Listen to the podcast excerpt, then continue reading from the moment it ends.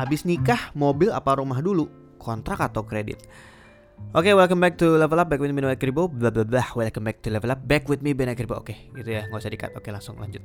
Ya, gue akan mencoba menjawab pertanyaan ini. Jadi, jawabannya adalah Nih, mobil dulu apa rumah dulu? Jawabannya adalah Tergantung ya. Tergantung dari apa? Dari prioritasnya apa? Gitu. Jadi um, kebanyakan orang selalu mikirnya kalau misalnya udah merit atau nabung itu pasti untuk beli rumah atau buat beli mobil gitu ya. Nah, sebenarnya tergantung banget gitu, tergantung dari prioritasnya apa dan kebutuhan utamanya apa gitu. Apalagi kalau udah merit gitu kan mestinya sih lo akan akan sudah merencanakan banyak hal sama calon suami atau calon istri gitu ya. Ini ntar setelah kita married kita bakal gimana, tinggal di mana, kita bakal gimana nih dan segala macamnya itu harusnya diobrolin dengan baik gitu ya. Jadi supaya nggak kaget gitu, supaya nggak bingung ntar kita tinggal di mana nih, masa kita tinggal di uh, rumah orang tua terus dan segala macamnya gitu kan. Jadi seperti itu. Tapi uh, bukan berarti lo harus malu juga. Kalau gue tipikal bukan gue bukan tipikal orang yang malu ya. Kalau misalnya gue memang harus tinggal di tempat orang tua dulu nggak masalah gitu. Selama gue masih uh, apa namanya gue masih progres nabung gitu misalnya.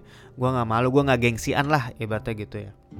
Jadi baik lagi tadi prioritasnya apa? Kalau misalnya kalau menurut gue sih gue akan pilih pasti tempat tinggal dulu ya daripada mobil gitu. Kenapa? Karena ya transportasi kan gak harus mobil gitu loh. Bahkan gue aja sekarang meskipun gue punya mobil gue masih sering naik ojek online gitu. Kenapa? Karena gue mau menghindari macet gue mau uh, pergi ke suatu tempat lebih cepat dan segala macamnya gitu kan. Dan kadang lebih praktis aja gitu. Dan apalagi kalau misalnya kita lihat Jakarta sekarang udah ada MRT, LRT dan segala macamnya itu akan sangat membantu sekali dari segi transportasi.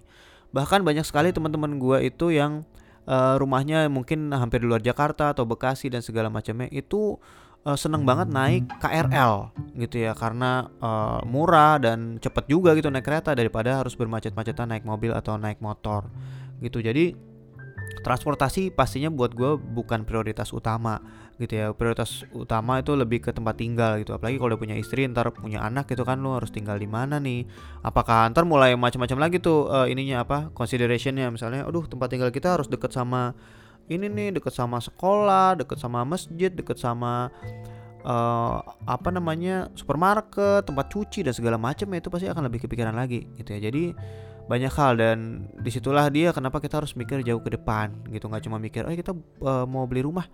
Nggak gitu doang harus mikir lagi lokasinya masa depan. Ntar kalau punya anak gimana? Kamarnya harus dua apa tiga? Terus mau punya anak berapa? Kalau mau punya anak lima terus gimana nanti? Oh, ntar tiga tahun pindah dan segala macamnya gitu ya. Jadi poinnya harus berpikir jauh ke depan. Nah kalau dalam kasus gue, gue waktu nikah kemarin gue karena uh, dari tahun dari 2011 gue udah nabung beli apartemen dari sejak gue kuliah gitu ya. Dan uh, alhamdulillah waktu itu gue uh, sanggup gitu ya disanggupi untuk membeli apartemen dan waktu itu tahun 2014-2015 jadi apartemennya. Jadi begitu gue merit 2016 gue tinggal di apartemen sempat tinggal di rumah orang tua dulu sih sama di rumah pertua abis itu sempat tinggal di apartemen Nah, tadinya sih memang rencananya di apartemen aja sampai kita nabung untuk punya rumah, untuk beli rumah gitu ya.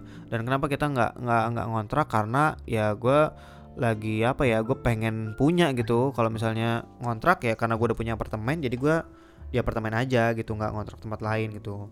Ada ada ke, ke, kepikiran juga sih misalnya gue ngontrak di, di apartemen atau rumah yang lebih besar sambil gue nabung untuk beli rumah gitu. Tapi kebetulan waktu itu Abis gue tinggal di apartemen sebentar, terus uh, Fenry hamil Zaika, jadinya pas hamil uh, Fenry lebih nyaman untuk deket sama orang tuanya jadi ya udah gue tinggal di rumah mertua gitu sampai anaknya lahiran dan segala macam dan juga proses akhirnya kita uh, mencari rumah gitu dan alhamdulillah uh, dapet dan alhamdulillah sanggup gitu ya. Nah ini kalau mau ngomongin lebih detailnya soal rumah ya jujur aja ya. Gue tipikal orang yang uh, apa ya Gila kalau misalnya kredit rumah 30 tahun tuh rasanya lama banget Jujur aja ya. Tapi ya ini sebenarnya uh, tergantung dari uh, kemampuan masing-masing. Tapi gue tipikal orang yang Gue mau gue kredit rumah itu 10 tahun aja. Itu kenapa? Karena lama banget 30 tahun. Gue gak tahu umur gue sampai kapan Dan uh, rasanya kayak gue berarti di umur 50 gue masih tetap harus bayar cicilan tuh rasanya uh, capek gitu. Lebih baik gue kerja keras gitu sampai gue bisa sampai gue mampu untuk bisa cicil misalnya 10 tahun aja gitu ya. Jadi alhamdulillah waktu itu gue DP-nya ambil yang cukup besar dan akhirnya uh, eh, gue uh, alhamdulillah sanggup untuk uh, cicilannya yang 10 tahun aja gitu. Dan uh, waktu ngumpulin DP 30% itu waduh bener-bener guys gue nggak gua nggak ngerti gimana caranya tapi aduh gue bener-bener Allah bener-bener menolong gue itu uang entah datang dari mana aja dan akhirnya gue bisa menyelesaikan DP 30% yang bisa dibilang itu sangat-sangat ya cukup besar lah untuk rumah yang uh, cukup besar juga gitu ya. Ya kira-kira gitu aja yang bisa gue share. Jadi uh, masalah kontrak kredit mobil apa rumah itu benar-benar tergantung prioritas lo. Mendingan jangan mikir dua hal mikirnya udah uh, jauh ke depan kira-kira apa yang lo butuhkan apa yang bisa lo cicil lo bisa uh, maksudnya yang bisa cicil maksudnya yang bisa di kalau misalnya udah punya banyak hal yang bisa dipakai ya dimanfaatin dulu gitu ya. Kalau misalnya belum butuh-butuh banget beli sesuatu yang baru ya nggak usah gitu ya. Jadi belajar hemat juga nggak boros-boros dan harus bisa nabung juga. Oke kira-kira gitu aja yang bisa gue share kali ini. Thank you for listening to this podcast and see you guys in the next level up. Bye bye